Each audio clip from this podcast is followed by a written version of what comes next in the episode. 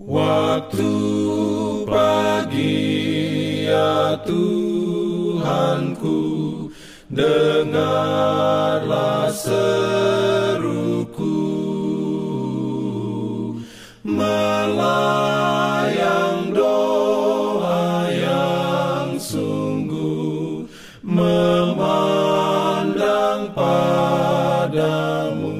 Selamat pagi pendengar Radio Advent Suara Pengharapan. Mari mendengarkan suara Tuhan melalui tulisan pena inspirasi Bersama Allah di waktu fajar. Renungan harian 16 November Dengan judul Dia tidak akan gagal.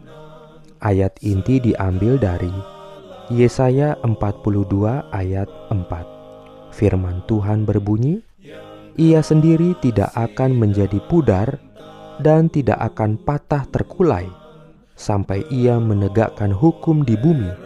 Segala pulau mengharapkan pengajarannya."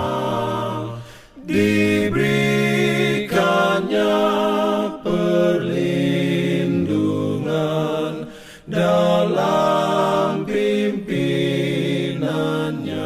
Urayanya sebagai berikut. Kristus mengetahui semua yang disalah-artikan dan disalah-gambarkan oleh manusia. Anak-anaknya sanggup menunggu dengan kesabaran dan keyakinan yang tenang betapa dihina dan dianggap rendah pun mereka itu karena tidak ada rahasia yang tidak akan dinyatakan dan mereka yang menghormati Allah akan dihormati olehnya di hadapan manusia dan malaikat-malaikat. Habel, orang Kristen pertama dari anak-anak Adam, mati syahid. Henok berjalan dengan Allah dan dunia tidak mengenalnya.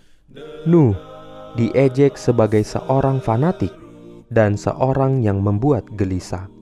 Orang-orang lain membiarkan dirinya disiksa dan tidak mau menerima pembebasan supaya mereka beroleh kebangkitan yang lebih baik.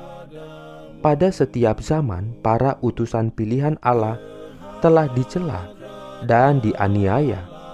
Namun, lewat penderitaan mereka, pengetahuan akan Allah telah disebarluaskan. Setiap murid Kristus harus terjun ke dalam barisan itu dan melaksanakan pekerjaan yang sama, karena ia tahu bahwa musuhnya tak dapat berbuat apa-apa menentang kebenaran, tetapi justru untuk kebenaran. Allah bermaksud supaya kebenaran dinyatakan dan menjadi pokok ujian dan diskusi, bahkan melalui hinaan yang diberikan kepada kebenaran itu. Pikiran orang harus digerakkan. Setiap pertentangan, setiap celaan, setiap upaya untuk membatasi kebebasan hati nurani adalah alat Allah untuk membangunkan pikiran yang tanpa itu bisa tertidur. Kristus tidak akan pernah meninggalkan jiwa yang untuknya Dia telah mati. Orang bisa meninggalkannya dan dijejali dengan pencobaan, tetapi Kristus tidak pernah dapat meninggalkan orang yang untuknya Dia telah membayar tebusan dari hidupnya sendiri. Sekiranya pandangan rohani kita dibangunkan, kita akan melihat malaikat-malaikat terbang cepat untuk menolong orang-orang yang dicobai ini, bagaikan orang di tepi sebuah tebing curam. Amin. Dalam pimpinannya,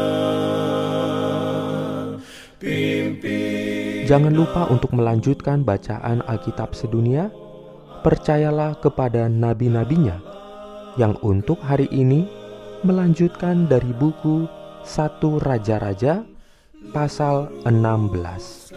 Selamat beraktivitas hari ini. Tuhan memberkati kita semua. Jalan kewajiban,